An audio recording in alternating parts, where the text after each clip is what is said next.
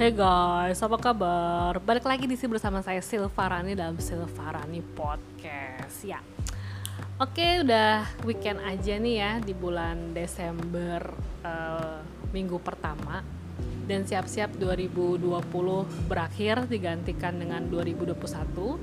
Gimana nih kabar teman-teman semua? kira kira-kira gimana persiapan untuk menghadapi tahun 2021? Apakah sudah ada resolusi? kalau aku sudah menyiapkan sebuah resolusi yang tidak kesampaian selama 10 tahun belakangan ini. Apa itu? Yaitu ingin lebih kurus. Karena ngomong doang kayaknya untuk kalau bagian mau kurus itu kayak ngomong doang makanya nggak kurus-kurus. Ya, uh, kira-kira sekarang podcastnya mau tentang apa? Karena tadi kita udah bahas tentang 2020 akan berakhir, jadi kayaknya isi podcastnya kali ini seputar itu kebetulan aku suka musik kamu mungkin juga ada yang suka musik dan mungkin sering dengerin Spotify. Jadi Spotify baru-baru ini ngeluarin kayak uh, apa namanya 2020 rap gitu ya. Jadi dia kayak ngedata kita tuh selama satu tahun ini tuh mendengarkan Spotify berapa lama terus lagunya apa aja kita nyoba-nyoba dengerin artis baru itu lagu-lagunya ada berapa jumlahnya. Terus um, apa namanya top 5 artisnya siapa aja. Kita dengerin podcast juga di Spotify itu apa aja. Semua tuh kayak dirangkum sama dia. Kita jadi bisa tahu. Kita jadi bisa lebih mengenal diri kita dari oh setahun ini saya mendengarkan lagu-lagu ini dan ternyata kita eh dan ternyata top 5 um, artis yang aku dengar di Spotify itu ini akan jadi pembahasan uh, podcast kali ini. Itu nomor limanya Britney Spears nomor empatnya adalah Weekend nomor tiganya adalah Agus D. Agus D itu personalnya BTS ya. Suga BTS sebenarnya cuman ketika dia solo namanya jadi Agus D Terus yang kedua itu Christina Aguilera dan yang pertama BTS. Sebenarnya waktu aku tahu hasilnya nih, aku agak kaget karena ada beberapa yang aku nggak duga. Nomor satu BTS aku udah feeling sih.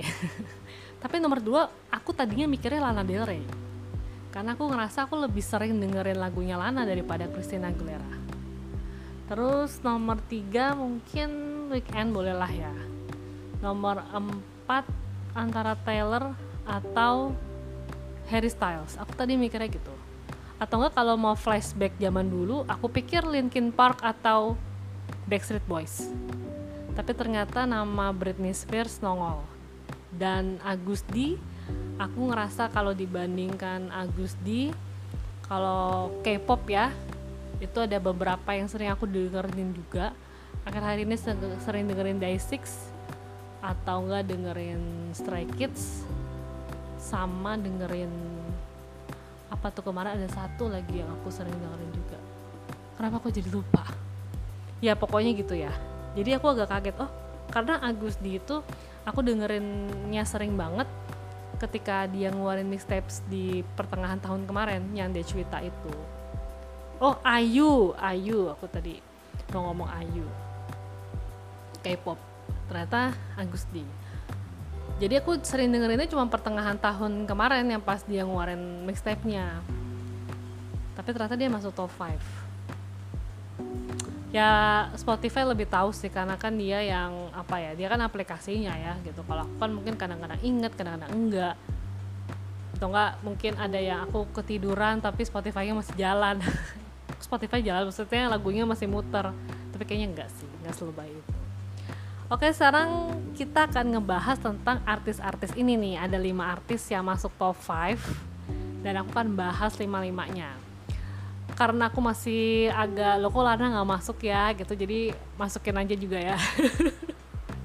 Maksa banget sih kata Spotify gitu. jadi Lana Del itu akan aku bahas juga. Backstreet Boys akan aku bahas juga karena menurut aku aku sering dengerin Backstreet Boys sama Linkin Park jadi lima itu yang sudah ditentukan Spotify dan lima lagi itu ada Lana Del Rey, ada Linkin Park, ada Backstreet Boys, terus dua lagi apa ya? Um, yang kira-kira aku tuh sering dengar juga di Spotify. Mungkin nanti berjalannya waktu aku akan cari ya tiba-tiba oh ya si ini si itu gitu. Ya sekarang kita bahas dulu tentang 5 artis yang sudah ditentukan Spotify ternyata aku paling sering dengerin lagunya ya. Lebih enak bahas dari nomor satu apa dari nomor 5 nih? Kita bahas BTS dulu atau bahas Britney Spears? Kayaknya bahas Britney dulu ya, yang nomor 5. Britney Spears. Hmm, aku sebenarnya ngefans sama sama Britney itu udah dari awal debut. Mungkin Spotify ini mengidentifikasinya top 5 favorit aku kali ya, bukan top 5 aku lebih sering dengar lagunya siapa gitu kali ya. Karena jawabannya bener semua sih kalau dilihat dari sisi itunya. Britney, Christina, Weekend, Agus D sama BTS aku suka. Tapi kalau mau dilihat dari lamanya ngefans, Agus D sama BTS bisa diganti sama hmm, Backstreet dan Linkin Park Weekend diganti sama Lana Del Rey sebenarnya bisa kayak gitu tapi ya udahlah ya udah kayak gitu bentuknya. Kenapa dari tadi kok aku kayak ini ya kayak apa ganti-ganti gitu kayak eh, kata Spotify kamu tuh gak diterima ya top 5 artis kamu itu? Ya jadi yang pertama Britney dulu. Britney Spears itu bisa dibilang aku lebih sering dengerin lagu-lagunya tuh yang lama. Kalau yang paling baru yang aku denger ini aku jujur aja ya tapi bukan berarti yang aku nggak denger mungkin nggak bagus ya. Tapi anggap aja aku lagi belum denger. Belum sampai kepikiran untuk denger. Yang paling terakhir banget aku bener-bener ngikutin lagunya Britney itu yang um, bukan Work Beach ada yang setelah itu. Dia nyanyi berdua sama siapa itu ya uh, paj bukan pajamas party apa ya? Aku lupa deh judulnya apa. Pokoknya itu tahun 2016 aku terakhir uh, lihat lagunya Britney itu 2016 pokoknya video klipnya itu dia kayak nyanyi sama dia featuring sama penyanyi baru. Terus dia kayak ngedance ngedance di sebuah rumah malam-malam pada pakai piyama gitu. Aku lupa judulnya apa jadi kita bahas Britney dulu. Britney Spears itu aku pertama kali tahu Britney itu dari awal debut. Aku ngikutin terus sampai tahun bener-bener aku bener-bener memperhatikan karir dia. Aku bener-bener ngikutin aku beli kasetnya beli CD-nya di MTV bahas dia aku nonton. Di majalah bahas dia aku beli gitu ya itu sampai album keempat jujur. Yang In The Zone yang bareng sama yang dia featuring lagu sama Madonna. Jadi dari awal dulu ya aku pertama kali itu tahu Britney itu jadi waktu itu ke Distara Pondok Indah Mall itu tahun 99 gak usah ditanya aku waktu itu sekecil apa ya anggap aja aku TK gitu ya. Biar kesannya sekarang masih muda. Nggak mungkin banget ya ke TK ke apa namanya masih TK ke Distara terus beli kaset Britney Spears. SD waktu itu aku SD terus aku lihat ada kaset Britney Spears di Distara Pondok Indah Mall Jakarta. Dia masuk new release gitu. Apa nih Baby One More Time? Aku udah denger sih lagunya sebenarnya di MTV tapi masih baru banget. Baby One More Time itu. Eh aku baru tahu ternyata produsernya itu sama kayak produsernya Backstreet Boys. Yaitu aku nggak tahu produser aku nggak tahu yang nyiptain kayaknya yang, yang nyiptain lagu deh. Itu Max Martin. Itu ibaratnya kalau menurut aku waktu itu ya Max Martin tuh udah jaminan mutu deh pasti lagunya bagus jadi aku lihat Britney itu kayak wah ini kayak lagu-lagunya Backstreet Boys tapi ini cewek dan yang nyanyi sendiri. Kalau Backstreet Boys kan kelompok ya lima orang. Wah ini kayaknya bagus nih aku langsung beli. Nah biasanya dulu kan kalau di Distara ya kita nyoba dulu kan. Kita bisa nyoba kaset dulu guys. Uh, apa misalnya oh ya lagunya enak beli. Sebenarnya sih disuruh nyoba itu supaya uh, calon pembeli itu tahu kalau kasetnya ini nih apa ya bagus. Maksudnya um, nggak rusak gitu. Tapi kadang-kadang orang tuh udah dengerin udah dikasih kesempatan dengerin itu mau ngetes lagunya enak-enak nggak gitu. Kalau lagunya nggak enak nggak jadi beli. Nah pas aku dengerin oh ya Baby One More Time bagus. Lagu kedua tuh You Drive Me Crazy itu juga bagus. Yang ketiga itu Sometimes. Oh ya sekali lagi seperti biasa ya podcast aku ini sebelum aku bikin podcast aku tidak riset dulu jadi kayak mengandalkan yang aku ingat. Makanya kayak tadi 2016 aku lupa sama lagunya Britney ya aku beneran lupa. Nanti siapa tahu kamu tahu dan kasih tahu aku gitu ya.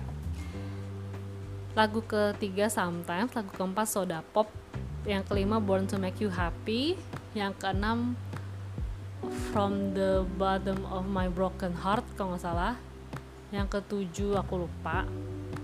Side B-nya itu ada I Will Be There, itu bagus juga I Will Be There. Terus ada Email by, by Gozon apa nggak salah itu lagunya unik. Kayak si Britney suaranya tuh kayak di apa kayak di radio gitu loh. Jadi kayak kresek-kresek gitu. Album pertama itu seingat aku meledak. Dan aku juga suka sama lagu Baby One More Time uh, Crazy Sometimes tapi aku paling suka Born to Make You Happy. Liriknya waktu itu kayak aku suka aja sama liriknya. Kayak uh, tulus banget gitu apalagi yang pas bagian I do anything I will break my eh eh, pokoknya ibaratnya kayak uh, aku tuh terlahir buat kan mau you happy aku terlahir untuk membuat kamu bahagia. Terus habis itu di lagunya juga dibilangin ya pokoknya aku terlahir tuh untuk menjadi kekasihmu aku akan melakukan apa pun aku kan gitu-gitu deh ya ya kayak ya memang mungkin kalau sekarang kita bisa bilang bucin tapi waktu itu aku masih remaja kasarnya gitu kan. Ya mau remaja lah SD gitu terus dengerin lirik lagu itu tuh kayak terus banget gitu. Aku ngeliatnya gitu aku suka. Terus habis itu nggak lama setelah Britney ngeluarin album yang pertama itu dia langsung ngeluarin album kedua Upside It Again. Jadi aku inget banget di album yang pertama itu tuh Britney udah ada lima sing uh, apa lima MV kalau nggak salah. Baby Baby One More Time dibikin video klipnya. Crazy juga. Terus sometimes juga. Want to Make You Happy juga. From the Bottom of a Broken Heart juga. Terus apa lagi ya? Ya berarti lima. Nah pas video klipnya From the Bottom of My Broken Heart release itu nggak berapa lama setelah itu di radio itu langsung diputer lagu Upside It Again. Jadi aku tuh kayak langsung yang hah? Udah ada lagu baru lagi sih Britney gitu. Dan aku yakin banget dari model-model lagunya Upside Down Again itu tuh kayak juga ditulis sama Max Martin. Makanya aku kayak oh my god aku harus beli gitu kan. Nah aku tuh dulu langganan banget ke Aquarius Mahakam hampir setiap pulang sekolah kalau ada artis baru ya musisi baru barat Indonesia. Dulu aku ikutannya masih barat sama Indonesia dan Jepang uh, sedikit-sedikit. Itu aku pasti beli kasetnya. Dan itu dipotong dari uang jajan. Jadi aku nggak minta lagi. Jadi kayak apa namanya kalau ada kaset yang aku pengen beli nih aku harus rela uh, istirahat. Misalnya cuma makan snack gitu. Gitu. Ya memang gimana ya aku sama musik tuh suka banget musik itu bisa bikin semangat belajar bisa bikin kayak oh gila keren banget gitu. Ya kayak lebih ada warna-warni lah. Tapi aku nggak tertarik untuk belajar nyanyi gitu loh. Maksudnya aku udah sadar diri aku kayaknya suaranya gak bagus. Aku jadi ketawa ya? Kayak gitu. Nah terus um, abis album pertama itu terus habis itu album kedua itu Upside It Again. Itu belum ada MV-nya baru diputar di radio suatu hari papaku ada tugas keluar kota dan aku lagi libur. Jadi kalau libur itu kan aku nggak keluar-keluar ya. Karena kan kalau sekolah kalau sekolah itu kan oh waktu itu soalnya lagi Eptanas ya. Jadi ketahuan ya saya umur berapa ya. Lagi Eptanas jadi nggak keluar-keluar disuruh belajar kan di rumah. Suatu hari papa saya mau keluar kota ada tugas. Terus saya bilang sama papa saya pah nanti kalau ya walaupun nggak mungkin sih karena kan itu kerjaannya kalau sana mampir ke toko kaset ada Britney Spears dia ngeluarin album baru pak Upside Again. Oh gimana tulisannya? Gitu gitu kan. Ini Upside Again Britney Spears gitu. Oh iya iya gitu. Rupanya ternyata pas uh, apa namanya pas um, bokap balik dari tugas kantor itu keluar kota udah ada ternyata kasetnya gitu. Dan akhirnya aku punya pas aku udah baru punya itu berapa hari kemudian aku baru lihat MV-nya di, di MTV Upside Again itu. Upside Again itu um, Britney kayak coba apa ya style baru. Jadi di lagu-lagunya di album kedua itu ada Upside Again ada uh, Don't Knocking on My Door kalau nggak salah. Terus ada Satisfaction Girl in the Mirror Dear Diary itu ada beberapa itu adalah beberapa lagu di album Britney yang kedua. Itu kayak ada dialognya gitu guys. Jadi kayak nonton TV series remaja tapi ini di kaset. Jadi kayak ra, apa drama radio tapi bule gitu. Dan aku suka banget karena uh, suaranya si cewek atau suaranya si cowok di dalam kaset itu ya. Itu kayak emang emang kayak nonton drama. Jadi kayak misalnya kayak apa sih kayak misalnya uh, who's the guy? Who's the guy? Gitu banget kayak itu itu cowok siapa? Tuh cowok siapa? Gitu bener-bener kayak gitu kan kayak kayak cuman udah deh ceritanya kamu uh, ngomong ya di awal lagu kayak diambil aktor atau artisnya kayak asal gitu enggak gitu loh. Jadi kayak emang beneran mendalami peran. Jadi dengerinnya juga kayak dengerin drama radio gitu. Um, terus ada ya pokoknya kalau kalian kepo cari aja deh susah jelasinnya pokoknya kalau ada bunyi telepon ceritanya sih berarti di telepon sama temennya terus kering kering eh, bukan kering kering sih kayak bunyi apa uh, tuh tuh tuh apa gimana gitu diangkat halo gitu kan. Hai Britney. Suaranya itu juga kayak efek uh, suara telepon gitu. Kan soalnya kan temennya di seberang sana kan. How are you? Hai gitu gitu jadi kayak kita dengerinnya apalagi kalau pakai Walkman tuh kayak pakai earphone gitu kayak ya kayak kayak nonton drama radio. Oke di album kedua ini aku suka banget. Waktu itu singkat aku aku lebih suka album kedua daripada album yang pertama. Yang nggak tahu ya apakah ada dialog-dialog tadi itu aku juga gak ngerti. Oops Did Again lagu pertama di side A ya.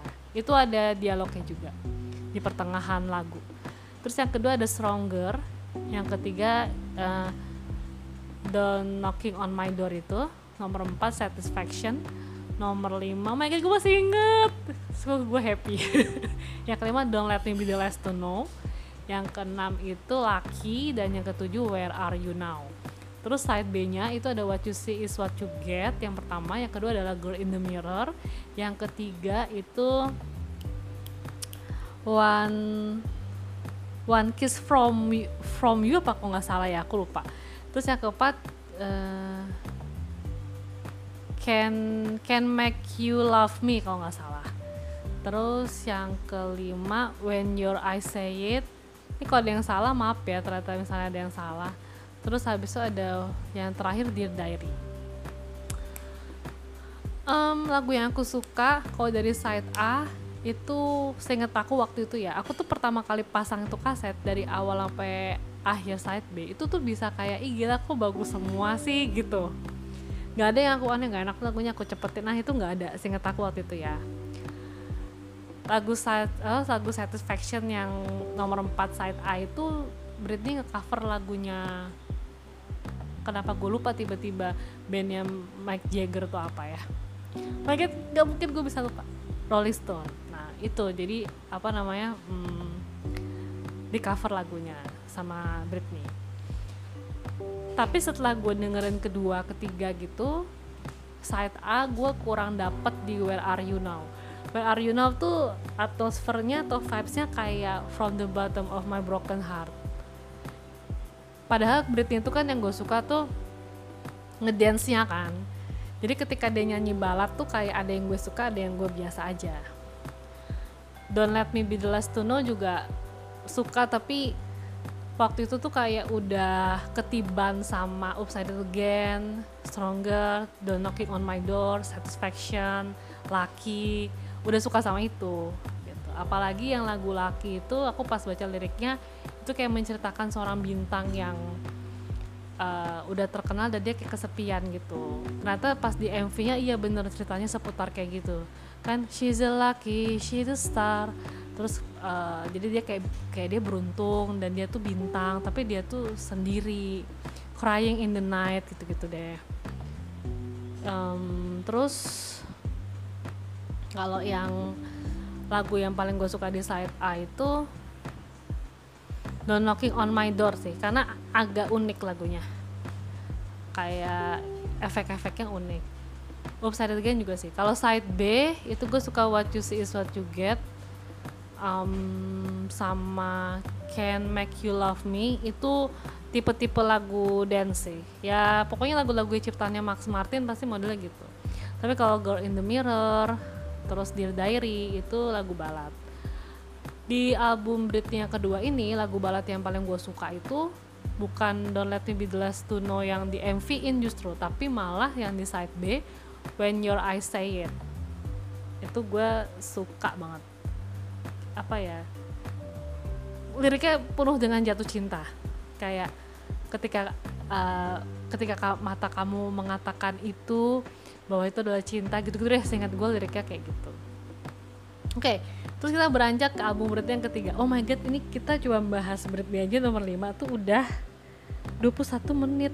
Ternyata Spotify itu bagus juga ya menentukan Britney itu nomor 5 setidaknya gue bisa bahas sedetil ini karena gue emang suka banget. Kata Spotify hah tadi aja. Pengennya Britney nggak masuk top 5 oke lanjut ya. Jadi aku tuh gitu ya maksudnya gini loh kalau udah ngestan sama artis di, di masa yang sama ada yang bagus juga atau ada yang uh, apa sih baratnya um, mirip-mirip sama dia atau gimana lah gitu kayak udah ya udah udah sama ini ya udah ini aja gitu. Britney juga gitu waktu itu. Um, banyak yang compare misalnya suaranya Britney kalau nggak ada um, penyanyi latarnya itu biasa aja. Karena yang lebih bagus Christina apa segala macam. Nah itu nanti kita bahas nanti ya. Tapi pokoknya aku nggak peduli karena yang aku menurut aku Britney itu vibesnya udah enak udah bikin kita jadi semangat terus kayak ngedance ngedance sendiri nggak jelas gitu di kamar gitu. Aku udah suka. Ya sebenarnya itu energinya Backstreet Boys sih. Jadi karena aku suka sama Backstreet Boys terus akhirnya sama Britney aku suka juga gitu. Terus album ketiga itu Britney mulai jadi yang tadinya American Girl, Sweetheart gitu, kayak jadi berubah jadi seksi uh, apa seksi bitch gitu di album yang ketiga. Jadi waktu itu gue kayak gak hmm, Britney berubah ya gitu, tapi ya lagunya masih enak ya udah gue beli tetap kasetnya. Album yang ketiga itu High Britney ya kalau salah. Eh nggak ada high-nya. Nama albumnya Britney doang.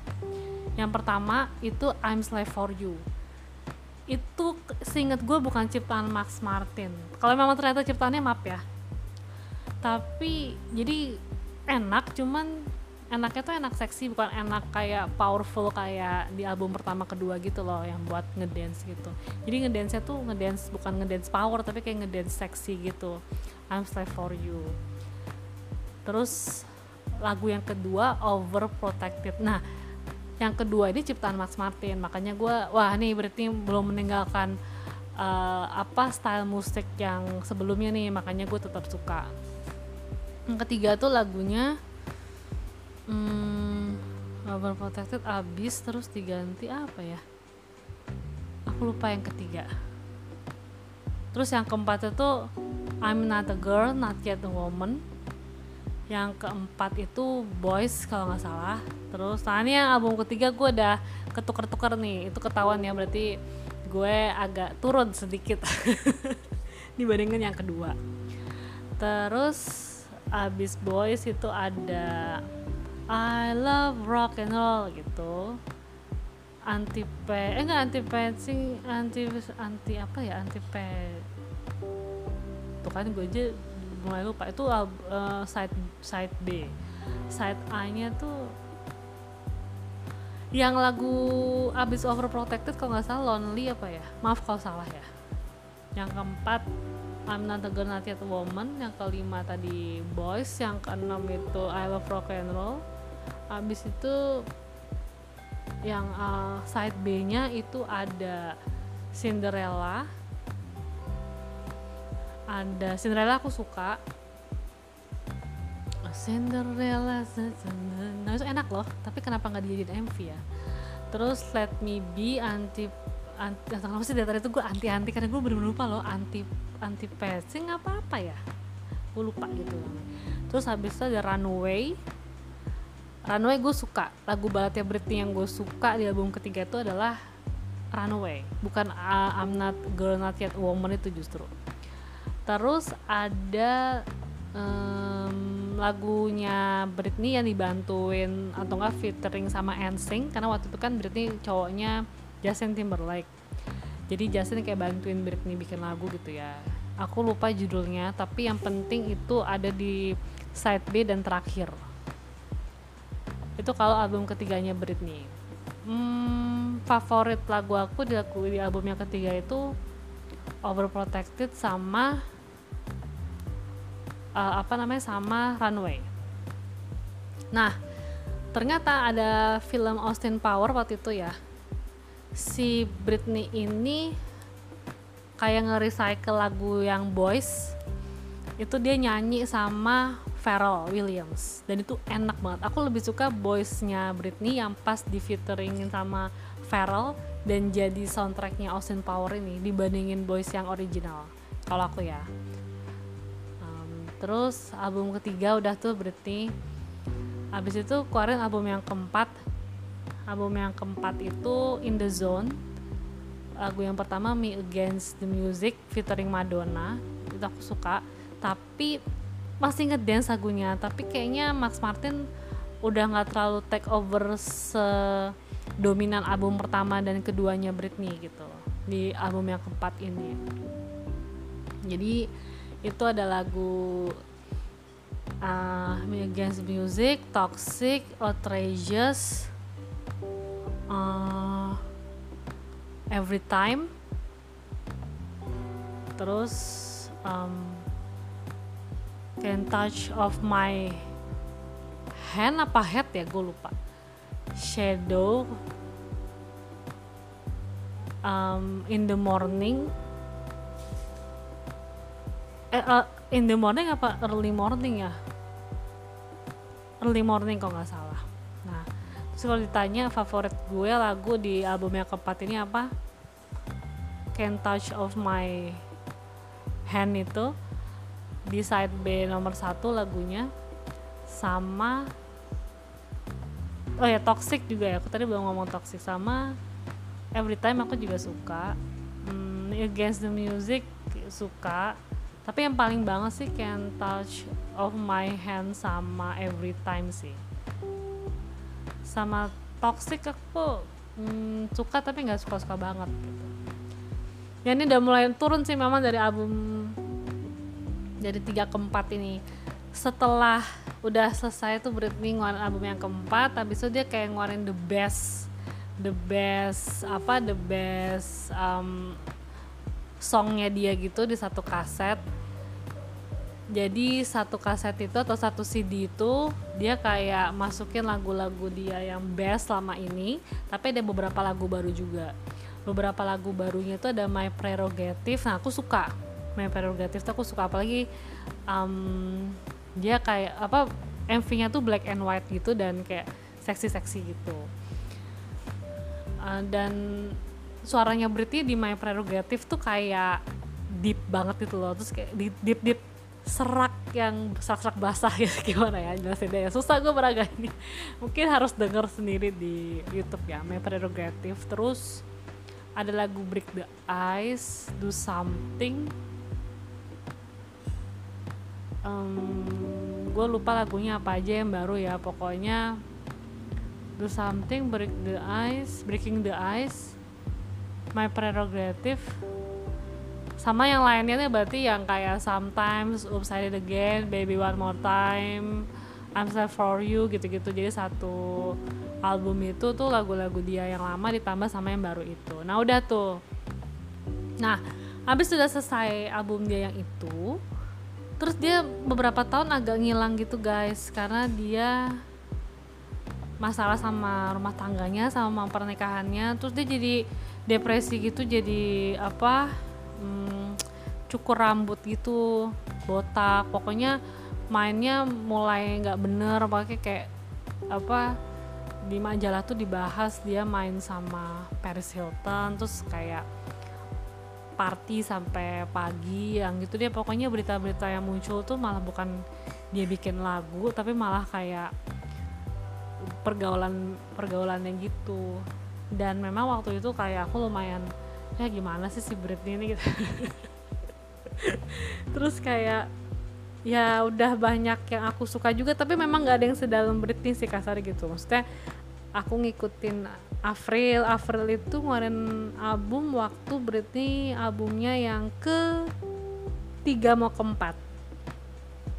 Terus aku mulai suka sama Linkin Park. Jadi kayak udah mulai beragam gitu loh guys. Jadi kayak sama Britney itu sensinya nomor apa album ketiga sama keempatnya agak-agak kayak nggak seperti aku suka banget sama dia album pertama album kedua. Bahkan tambah ke sini jadi mulai suka sama Christina gitu. Tapi maksudnya gini loh kayak lu tuh ak akhirnya ngestand sama yang lain tapi lo tuh sebenarnya pengennya ngestand sama dia gitu loh. Jadi kayak keburu dia lagi belum berkarya nih ya udah gue ngestand yang lain dulu nih. Tapi sebenarnya ada yang lo tungguin gitu loh. Asa gue waktu itu mau Britney gitu. Apa sih gue?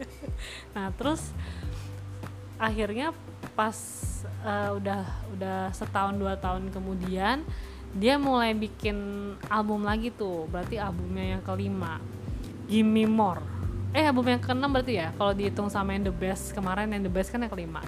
Album keenam tuh Gimme Gimme More Gimme More. Itu tahun 2007 apa 2008 gue lupa. Itu pertama kali gue denger itu kasetnya teman gue jadi teman gue ada yang suka Britney juga terus gue main ke kosannya terus eh lo beli nih kaset? Iya gitu kan. Dia fans juga sama Britney ternyata tapi ternyata lebih ngefans dia ternyata lebih setia dia daripada aku. Karena aku pas denger lagu Gimme More di radio tuh kayak ini lagu apa sih Britney jadi ada yang marah kalau ada yang suka Gimme More ya selera. Cuman aku kayak apa sih? Gitu. Terus aku lihat MV-nya juga si Britney kayak nari-nari di tiang gitu muter-muter gitu terus bajunya minim kayak ah si Britney ini kenapa? Gitu. Waktu itu tuh kayak gitu mikirnya. Sampai akhirnya aku pinjam kasetnya temen aku itu aku dengerin kalau bagus aku mau beli gitu loh. Maksudnya bukan beli kasetnya dia aku beli kaset di toko kaset. Pas aku dengar ya guys satu lagu itu eh satu album itu uh, ya nggak tahu ya apakah karena aku udah Britney kenapa sih udah kayak gitu apa gimana. Aku ngerasa di situ kayak flat aja gitu. Nggak ada yang ku ingat ada yang ada yang bagus cuman kayak nggak menonjol yang aku sampai ah aku mau banget nih punya apa punya kaset ini gitu loh enggak. Yaudah gimme more. Aku kayak udah ah biarin lah sih berarti kenapa sih? gitu. Tapi ternyata pas tahun 2009 Britney tuh bangkit guys. Bangkit dan gue rasain albumnya lebih bagus daripada yang sebelumnya. Yang Gimme More tadi itu. Berarti albumnya yang ketujuh ya? Itu tuh ada lagu yang gue suka yaitu Circus terus Womanizer abis itu womanizer womanizer enak banget tuh lagunya. Dan kayak muncul istilah womanizer itu ternyata beda sama playboy. Kalau menurut aku playboy itu cowoknya tuh ngusahain supaya ceweknya ini suka sama dia. Tapi kalau womanizer itu kayak dia diem aja cewek-cewek tuh udah udah udah kayak tergila-gila udah kayak stres itu aduh ya panas banget ya gue ganteng banget orang tuh keren banget orang itu womanizer. Padahal si cowok itu nggak niat untuk bikin cewek-cewek itu melayang entah ke mana cop stand entah ke mana gitu. Uh, itu womanizer. Berarti nyanyi womanizer terus tadi aku bilang apa circus um, unusual you kriminal aku suka banget sama kriminal mama apa? Mama please don't cry I will be alright gitu. Eh kriminal itu di album yang ini bukan ya? Nah loh aku lupa. Oh nggak salah nggak deh. Maaf, maaf maaf kayaknya nggak. Kriminal bukan di album yang ini. Maaf salah. Nah jadi yang ini tuh circus um, terus unusual you terus habis itu um, tadi aku udah bilang apa? Ya udahlah pokoknya itulah ya. Albumnya berarti itu yang, yang ke tujuh itu itu ini aku suka yang ketujuh dia terus habis itu dia diajak nyanyi sama Will I Am Black Eyed Peas. Um, dan tuh lagunya aku suka juga. I wanna hey, shout eh, I wanna scream and shout now gitu. Sih wah bagus aku suka. Terus habis itu lanjut lagi ke album yang selanjutnya itu dia bikin lagi tahun 2011 apa nggak salah. I can take it take it no na na na na na, na before gitu. Lagunya oh, oh oh oh oh aku lupa lagunya. Judulnya ya itulah ya. Itu uh, dia kalau nggak salah kriminal itu di album yang ini. Kita aku lupa beneran. Tapi aku terbayang sih lagunya dan aku suka sebenarnya. Tapi judulnya aku lupa.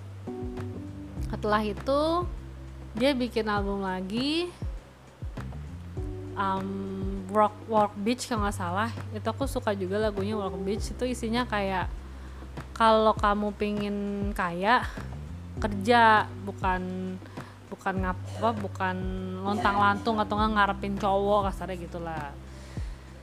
Habis itu dia um, aku ngikutin lagu-lagunya gitu cuman nggak sampai hafal kayak tadi susunan album pertama sama album kedua tuh lagunya ini ini ini ini gitu.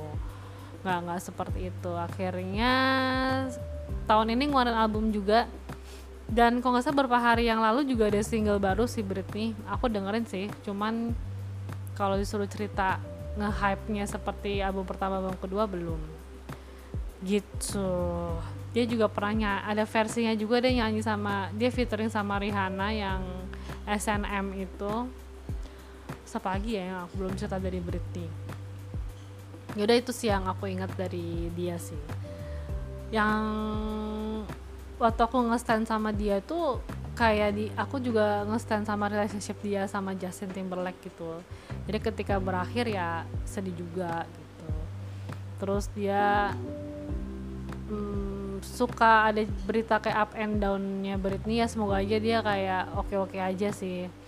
Dan aku sebenarnya juga walaupun sekarang mungkin lagunya aku lebih suka yang dulu tapi aku masih detik ini mendengarkan karena ya sebenarnya kayak gimana sih kayak lu udah tahu nih dia dari debut gitu. So ikutin terus itu apalagi kan dia dulu Mickey Mouse Club gitu kan sama Christina Aguilera sama Justin Timberlake.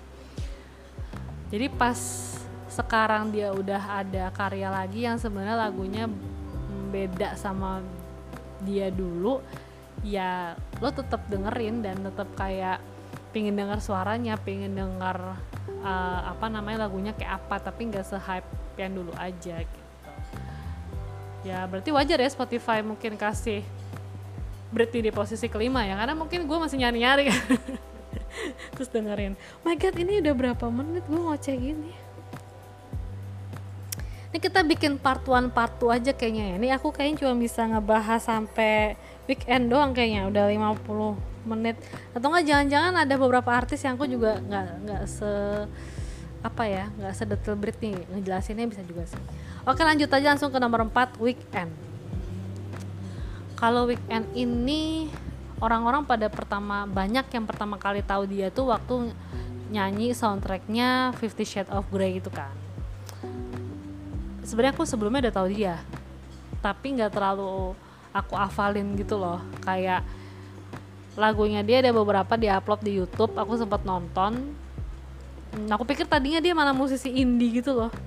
Kayak apa sih kayak ya apa namanya ngerekam ngerekam bikin lagu aku dengerin di YouTube tapi nggak berpikir sampai nanti dia melejit yang gimana gimana gitu nggak mikir. Eh tahunya dia ngisi soundtracknya Fifty Shades of Grey meledak itu lagunya ya. Emang enak banget kan lagunya ya?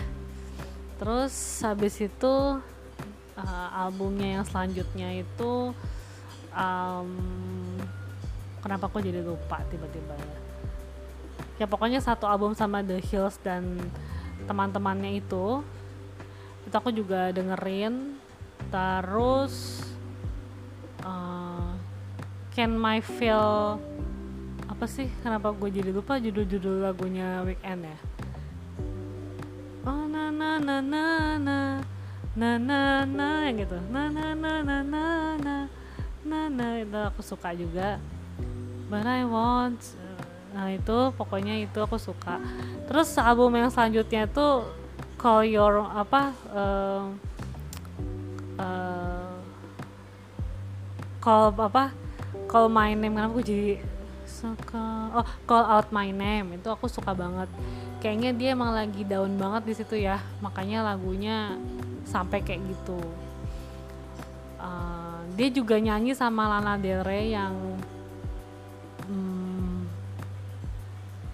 apa ya judulnya ya? Ada dua ya. Yang kedua Last and Last and Love? Last and Love apa ya judulnya? Yang yang pertama itu lagunya Present kalau nggak salah. Nyanyi sama Lana Del Rey. Itu aku suka banget. Last in Love yang nggak salah. Terus habis udah albumnya yang satu album tuh aku dengerin semua ya. Aku suka-suka juga sama lagunya. Terus albumnya yang terakhir ini Blind, apa Blinding Lights ini aku juga suka.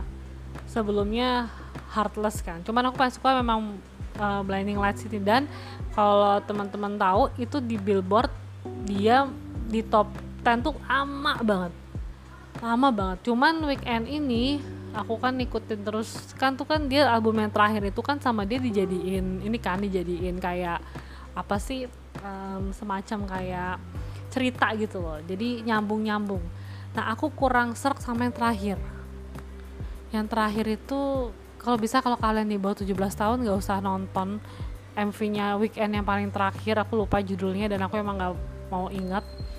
Itu menurut aku Weekend itu gila gilanya bukan gila nyeni tapi gila psikopat juga enggak sih. Kayak dia tuh nyampurin antara gore erotis yang agak menyimpang ya seksual yang agak menyimpang. Jadi gue tuh nontonnya tuh antara jijik terus kayak kok dia bisa sih mikir kayak gitu? Mungkin selera orang beda-beda tapi segila-gilanya aku melihat sesuatu itu art kali ini tuh bisa enggak gitu loh. Aku bisa tidak melihat sisi artnya sama sama sekali. Nah itu ya. Gila sih. Terus oh iya. Weekend ini sering isi soundtrack. Kayak aku suka soundtrack yang dia nyanyi. Apa soundtracknya Game of Thrones aku suka. Liriknya tuh kayak empowerment banget. Terus dia juga nyanyi fiturnya uh, apa Black Panther Wakanda itu. Terus dia nyanyi juga uh, lagu sama Dave Punk. Aku suka juga. Ya pokoknya kayak gitu ya si weekend. Dan suaranya dia tuh enak banget. Aku tuh waktu pertama kali denger suaranya dia ya kayak hmm, ada beberapa musisi yang aku suka. Dan ini kayak ada di weekend semua gitu loh jadi kayak aku nggak bisa nyebutin siapa ya takutnya compare apa segala macam pokoknya kayak musisi cowok penyanyi gitu ya si A B C D taruhlah gitu A suka karena suaranya B suka karena gayanya C suka karena dance-nya, D suka karena uh, vibe musiknya misalnya gitu. Dan A B C D ini kayak nyampur di weekend gitu. Aku ngeliatnya gitu sih. Oke itu dia tadi uh, apa weekend di posisi nomor 4 kok ceritanya nggak sebanyak Britney ya? Karena mungkin sekarang kali ya. Jadi kayak nyeritainnya juga ya kalau tadi kan Britney album pertama album kedua itu kan kayak udah lama banget jadi kayak excited nyeritainnya itu itu judulnya apa sih yang aku masih terngiang Can My Feel? Ah udahlah itu. Pokoknya weekend aku suka lagu-lagunya. Sekarang di posisi yang ketiga di posisi yang ketiga itu ada Agus Dia. Agus Dia. Hmm, aku tahu Agus Dia itu kan mixtapes yang pertama itu tahun 2016 kan. Waktu itu aku belum ngikutin K-pop. Jadi aku baru ngikutin lagunya uh, Agus di itu tahun 2019 waktu aku tahu BTS.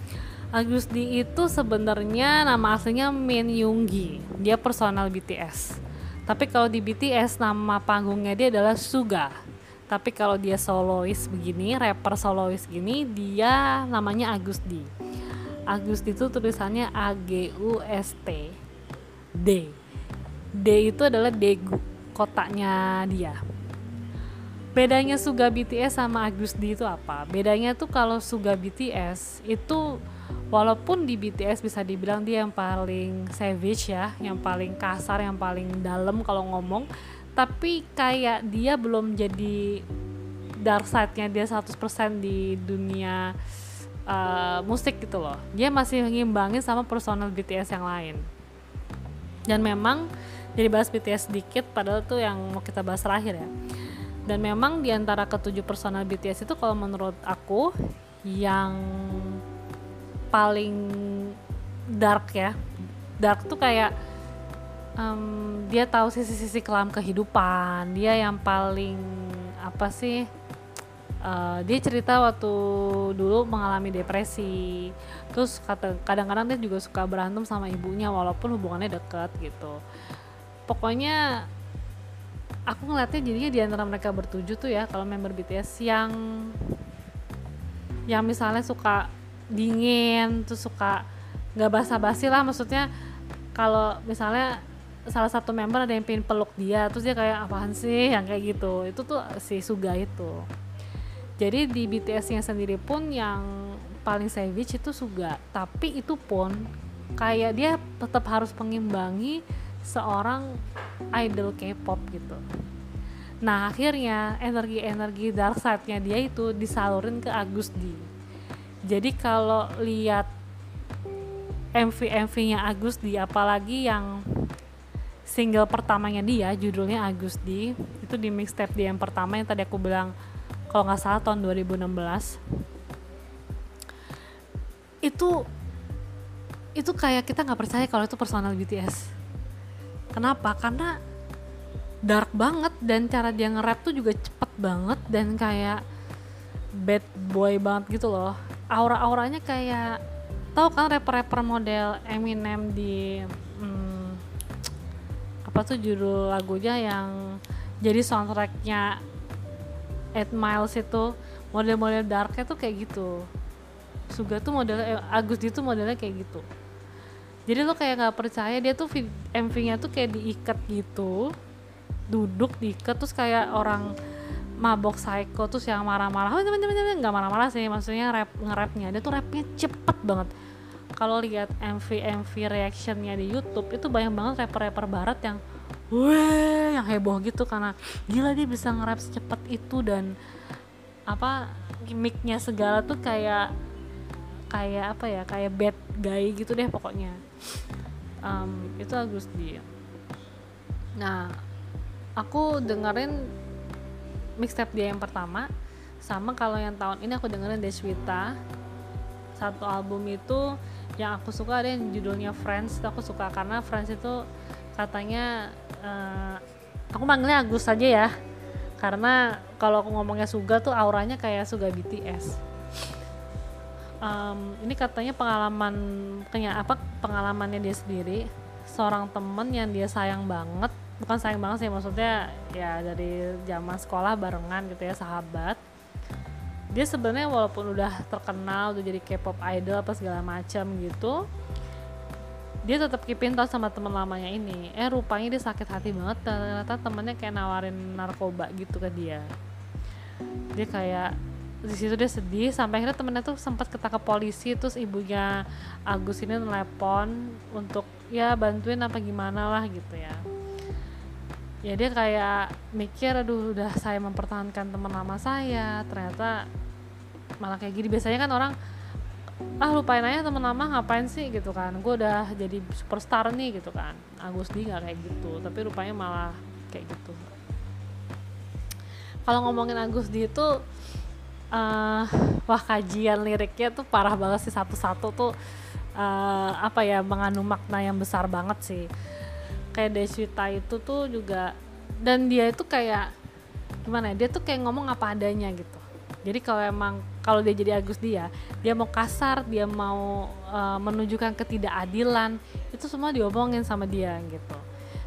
Tapi ketika dia jadi suga BTS ya dia harus ngimbangin kan nggak mungkin ngomong-ngomong ngomong-omongannya uh, liriknya part rapnya dia di lagunya BTS ada juga yang kasar sih. Cuma maksudnya nggak kasar yang sampai kayak kalau dia di solo ini Agus jadi Agus di hmm, gue suka sih Agus di kayak dan menurut gue kok gue pribadi ya hmm, mungkin Suga gue pakai bahasa Yunggi aja deh karena itu kan the real name dia ya. Mungkin Yunggi sebenarnya hatinya tuh memilih untuk menjadi rapper underground rapper atau dark rapper apa apa istilahnya ya. Tapi ternyata takdir membawa dia untuk menjadi artis K-pop ya, lo bayangin aja ya artisnya apa aslinya lo tuh rapper. Terus sifat lo kayak savage gitu. Terus lo disuruhnya disuruh berbaur sama orang yang bukan rapper berbaur sama idol-idol gitu yang jadi member BTS terus lo harus belajar koreografi harus ngedance. Sabar juga lo si Suga tuh eh sabar juga lo si Yung gitu untuk ngikutin itu semua gitu. Uh, tapi itu beruntung sih menurut gue. Karena kalau dia tetap kekeh pengen jadi rapper mungkin yang kenal lagu-lagunya dia itu ya memang yang suka rapper. Tapi kalau begini gue ngeliatnya akhirnya fans-fansnya BTS itu army-army yang biasanya mungkin banyak ada beberapa yang gak familiar sama lagu rap itu akhirnya jadi dengerin lagunya Agus di juga kan yang rap-rap ini kan gitu. Jadi ini udah udah langkah yang baik sih sebenarnya buat kalau aku jadi dia udah wah memang BTS itu benar-benar membawa pengaruh besar banget buat karir bermusik gue gitu. Ya Agusti semoga ke depannya semakin banyak step yang kece karena dia pun juga jadi Suga pun jadi bukan jadi Agus ya jadi, jadi Agus. Jadi Suga pun ya dia juga bikin lagu untuk artis lain juga gitu loh. Jadi banyak banget artis-artis yang udah pernah kerja sama dia kayak Ayu artis Korea. Kalau artis luar itu ada namanya Max dia bikin lagu. Jadi uh, dia pernah juga sama Lo Love ya uh, apa baca gimana? Love ya? L A U F tuh eh L A U V bacanya gimana tuh? Dia ikutan nyanyi tulisannya featuring Suga. Gitu. Jadi bukan featuring Agus jadi dia kayaknya kalau lagi pengen berkarya lagu-lagu yang dark apa yang gimana gimana dia ngomongnya dia Agus. Tapi kalau dia misalnya pingin berkarya yang uh, seperti mirip-mirip kayak auranya dia di BTS ya dia akan ngomong kalau dia tuh Suga. Lucu sih konsep kayak gitu ya kalau menurut aku ya. Jadi kalau dia lagi sebenarnya pas jadi Suga juga bukan angel juga sih. Maksudnya ya tetap aja dia jadi diri dia sendiri juga cuman Agusti itu kayak darknya Suga gitu Suga aku suka, Agus dia aku suka. Ya terus berkarya ya Suga. Eh terus berkarya ya Yunggi. dan dan aku menurut aku sih dia bagus juga sih ada di grup BTS itu karena kan kepribadian member-membernya juga beda-beda kan dan gak savage ada yang lucu ada yang lovely ada yang apa sih um, ada yang humble segala macam maksudnya jadinya si Yonggi ini punya teman-teman yang mewarnai hari-hari dia gitu. Dibanding kalau misalnya mungkin kalau dia di dunia rapper nih gue so tau aja sih gitu ya. Berarti kan dia ketemu sama rapper-rapper yang mungkin sifatnya 11-12 sama dia. Jadi maksudnya kalau di grup BTS jadi lebih berwarna aja kalau apa bagi si Yonggi gitu. Oke itu dia tadi yang ketiga. Sekarang yang kedua adalah Christina Aguilera ternyata ngebahas yang paling lama memang ngebahas Britney oke okay, kedua Christina Aguilera. Christina Aguilera ini aku mulai suka itu justru ketika uh, aku nungguin uh, Britney bikin album dari yang ke jadi jadi pas dia debut yang pertama yang album yang pertama yang Genie in the Battle aku udah suka sih sebenarnya tapi kayak cuman suka aja. Eh, nggak uh, sampai yang kayak aku mau beli kasetnya aku mau dengerin lagu pertama kedua ketiga gitu nggak. Tapi ketika jeda antara album Britney yang kedua terus ketiga aku lihat di di MTV kok Christina tuh pas lagu I Turn to You tuh kayak suara oktavnya tuh eh, dia ngambil nada oktavnya tuh wow gitu loh dan suaranya dia tuh power banget. Jadi pas teriak itu tuh ngambil falsetto atau gimana tuh kayak apa ya enak banget suaranya. Jadi kalau nyanyi lagu balad tuh wah keren banget. Jadi kayak aku ngerasa wah dia ngedance memang nggak sebagus Britney ya. Tapi kalau dari suara itu dia oke okay banget. Jadi kalau live itu live performance itu pakai suara beneran dan power banget. Bukan berarti aku bilang Britney lip sync ya. Cuman maksud aku uh, Christina itu nggak pakai suara uh, latar gitu kan. Emang beneran the real dia dan itu bagus banget suaranya. Sampai detik ini kalau menurut aku pribadi tapi mungkin aku bisa bisa subjektif ya. Aku belum menemukan suara yang sepower dia sih. Adele mungkin Adele ya. Adele mungkin ya mungkin pengetahuan bermusik aku kurang tapi menurut aku Adele kali yang bisa ngimbangin yang aku suka. Um, jadi nggak hanya tinggi penyanyi yang melampaui nada tinggi juga banyak tapi dia tuh tinggi dan berpower gitu. Jadi kayak kayak apa ya kayak um, bukan mengaum juga ya istilahnya ya. Kok gue jadi nggak tahu ya.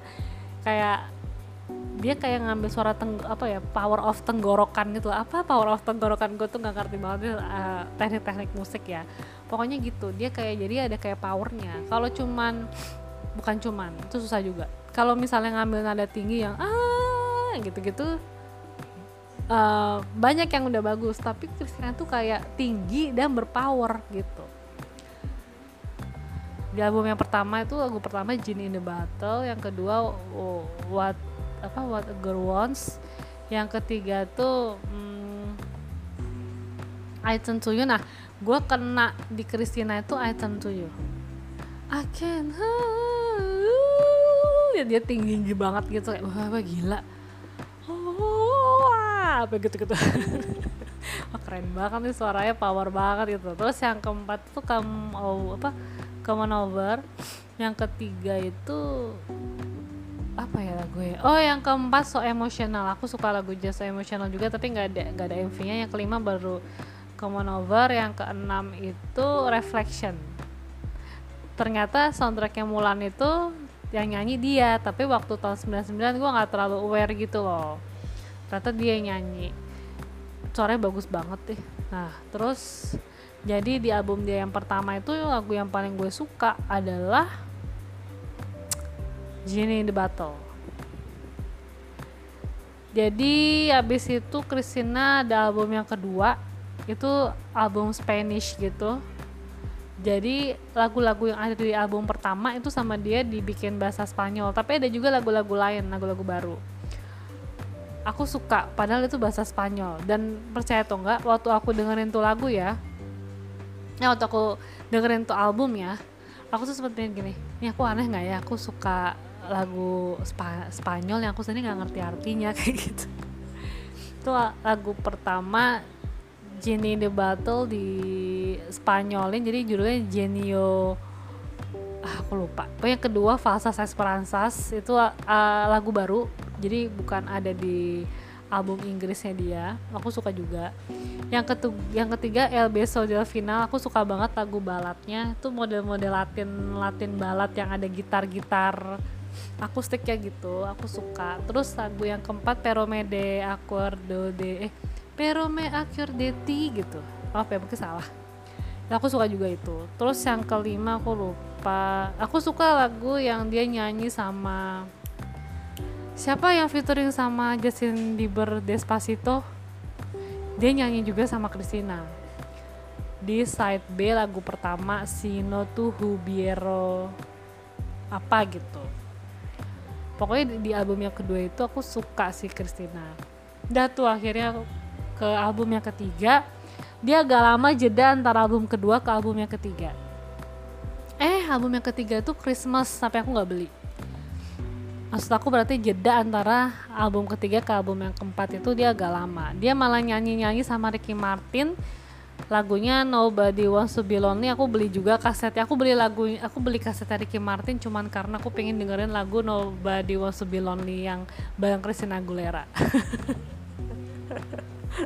Demi ya gitu. Aku suka sama lagunya.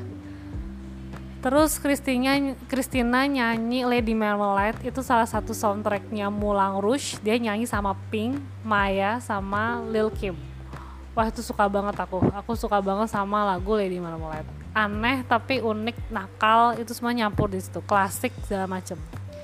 Terus habis udah nyanyi featuring featuring gitu Christina tahun setahun apa dua tahun kemudian itu dia ngeluarin album Strip. Aku paling suka sama lagu sama albumnya Christina itu Strip walaupun itu adalah album paling nakal menurut aku. Karena dia di cover kasetnya itu nggak pakai baju guys. Eh nggak pakai baju topless sorry. Tapi untungnya si Aquarius Mahakam itu ya toko kaset di Jakarta itu pakai cover lagi. Jadi apa namanya nggak ada yang tahu gitu loh. Kalau sebenarnya itu cover dalamnya itu adalah Christina nggak pakai atasan waktu lo tau nggak? Ini gue lucu banget ya. Jadi waktu gue tahu ternyata tuh gambarnya kayak gitu nggak pakai atasan gitu. Gue takut kan kalau di kamar bokap atau nyokap gue tuh lihat kan. Itu akhirnya tuh si si itunya ya si uh, apa sih namanya? Itunya kasetnya tuh yang kayak misalnya uh, sampul kasetnya itu yang ada lirik-lirik lagunya segala macamnya itu tuh aku cool-cool aku masukin kantong plastik aku simpen di salah satu laci gitu. Kayak aku ngerasa ikut dia gak pakai baju sih? Gitu kayak gitu.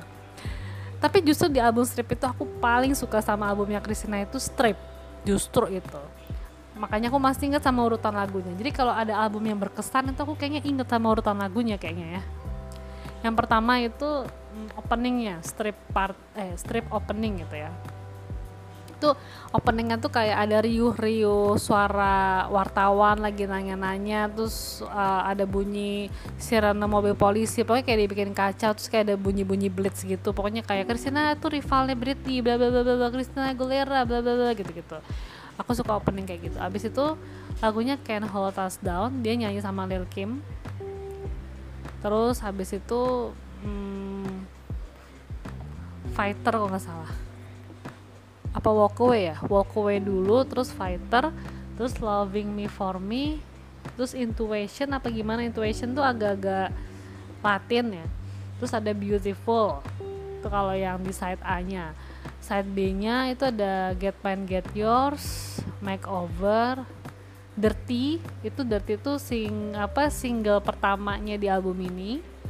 Terus the voice within I'm okay.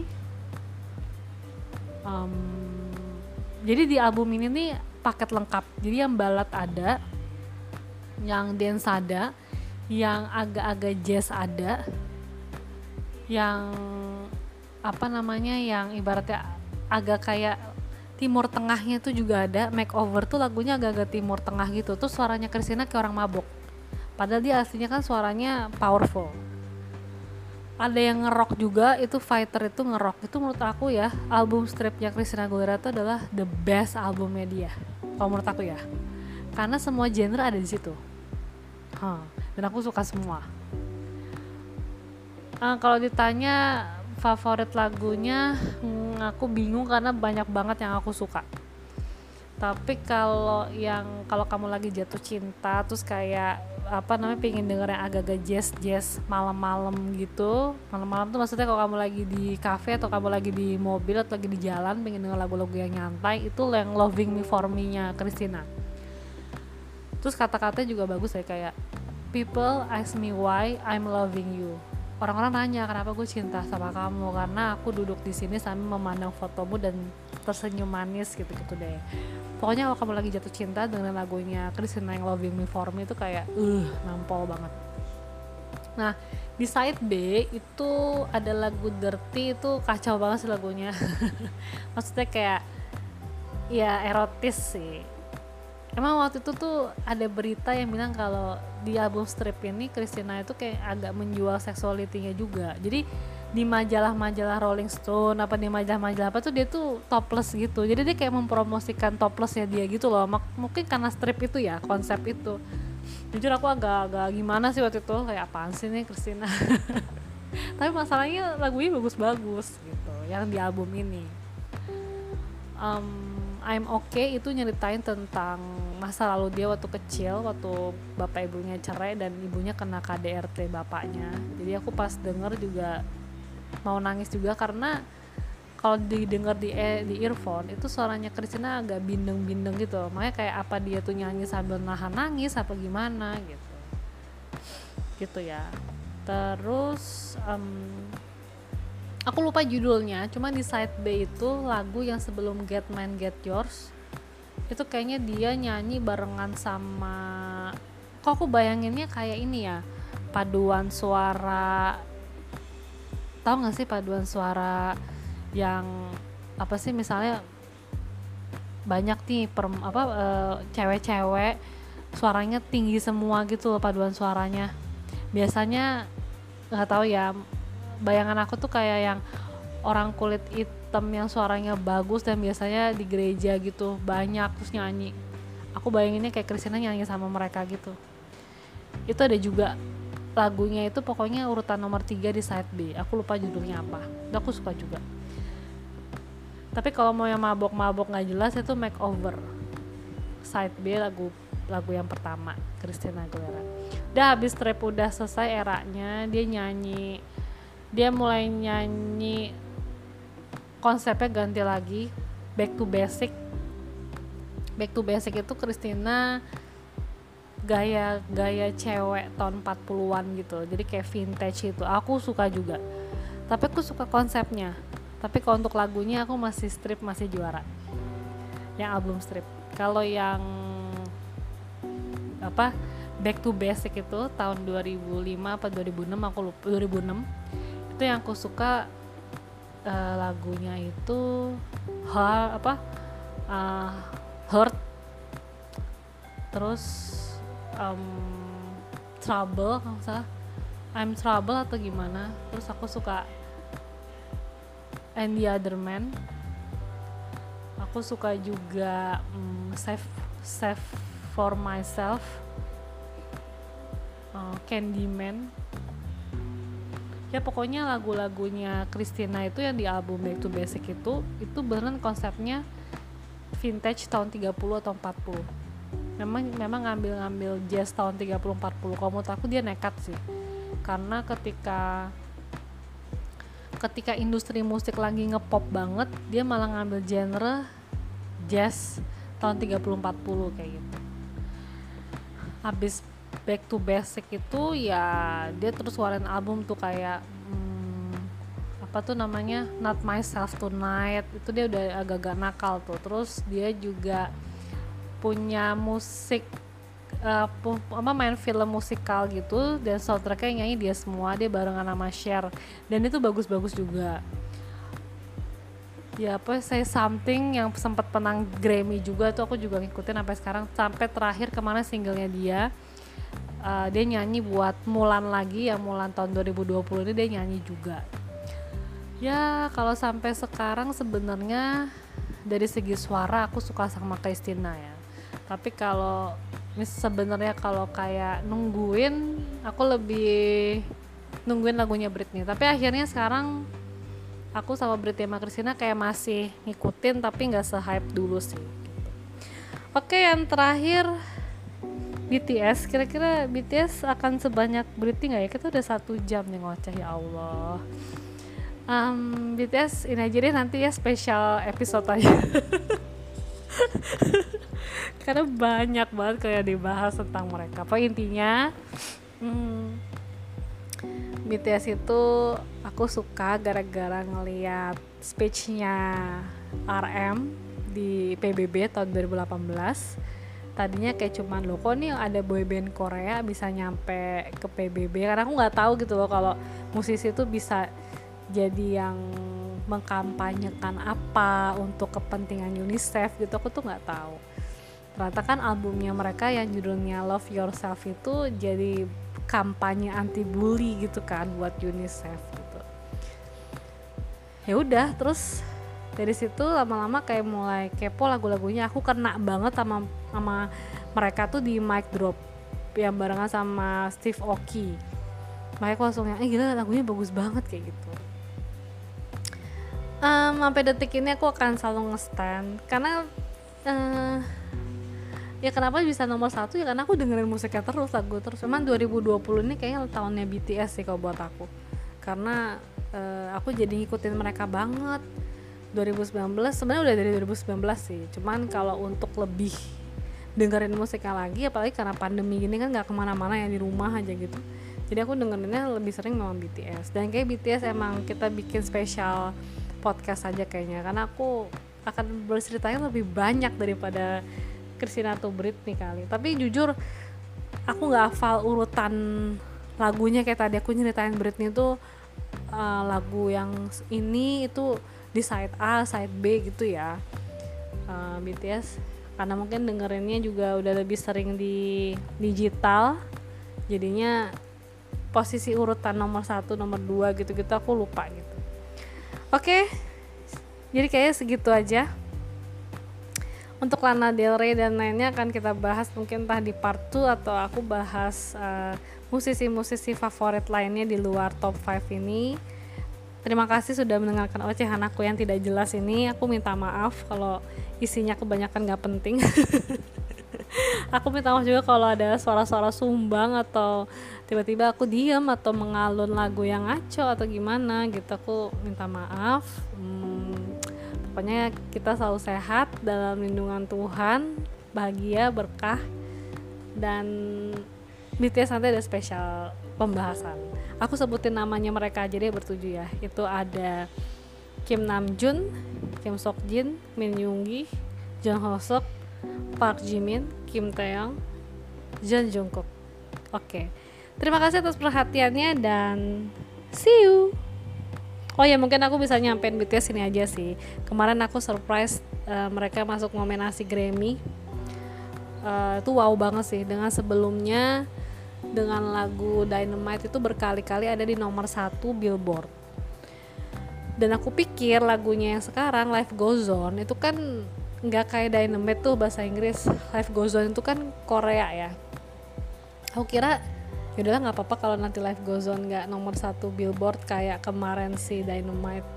Ternyata Life Goes On nomor satu lagi dong di Billboard dan Dynamite yang kemarin sempat keluar dari top 10 billboard tiba-tiba jadi ada lagi. Dia nomor tiga. Gila. Keren banget gitu ya sumpah. Apalagi pas ternyata dia eh mereka nominasi Grammy. My god. Ya kita lihat apakah nanti menang atau enggak ya. Tapi menurut aku sih mau kalah atau menang yang penting udah masuk nominasi itu membanggakan. Gue nge banget sama BTS karena mereka kan dari Asia juga ya gitu. Jadi kayak wah gila ada di pasar Amerika gila keren banget udah ada di pasar dunia gitu kan. Oke nggak selesai bahas mereka hmm, nanti aja kita bikin spesial podcast ya. Oke terima kasih. Maaf kalau ada kata-kata yang hmm, kurang atau gak jelas dan see you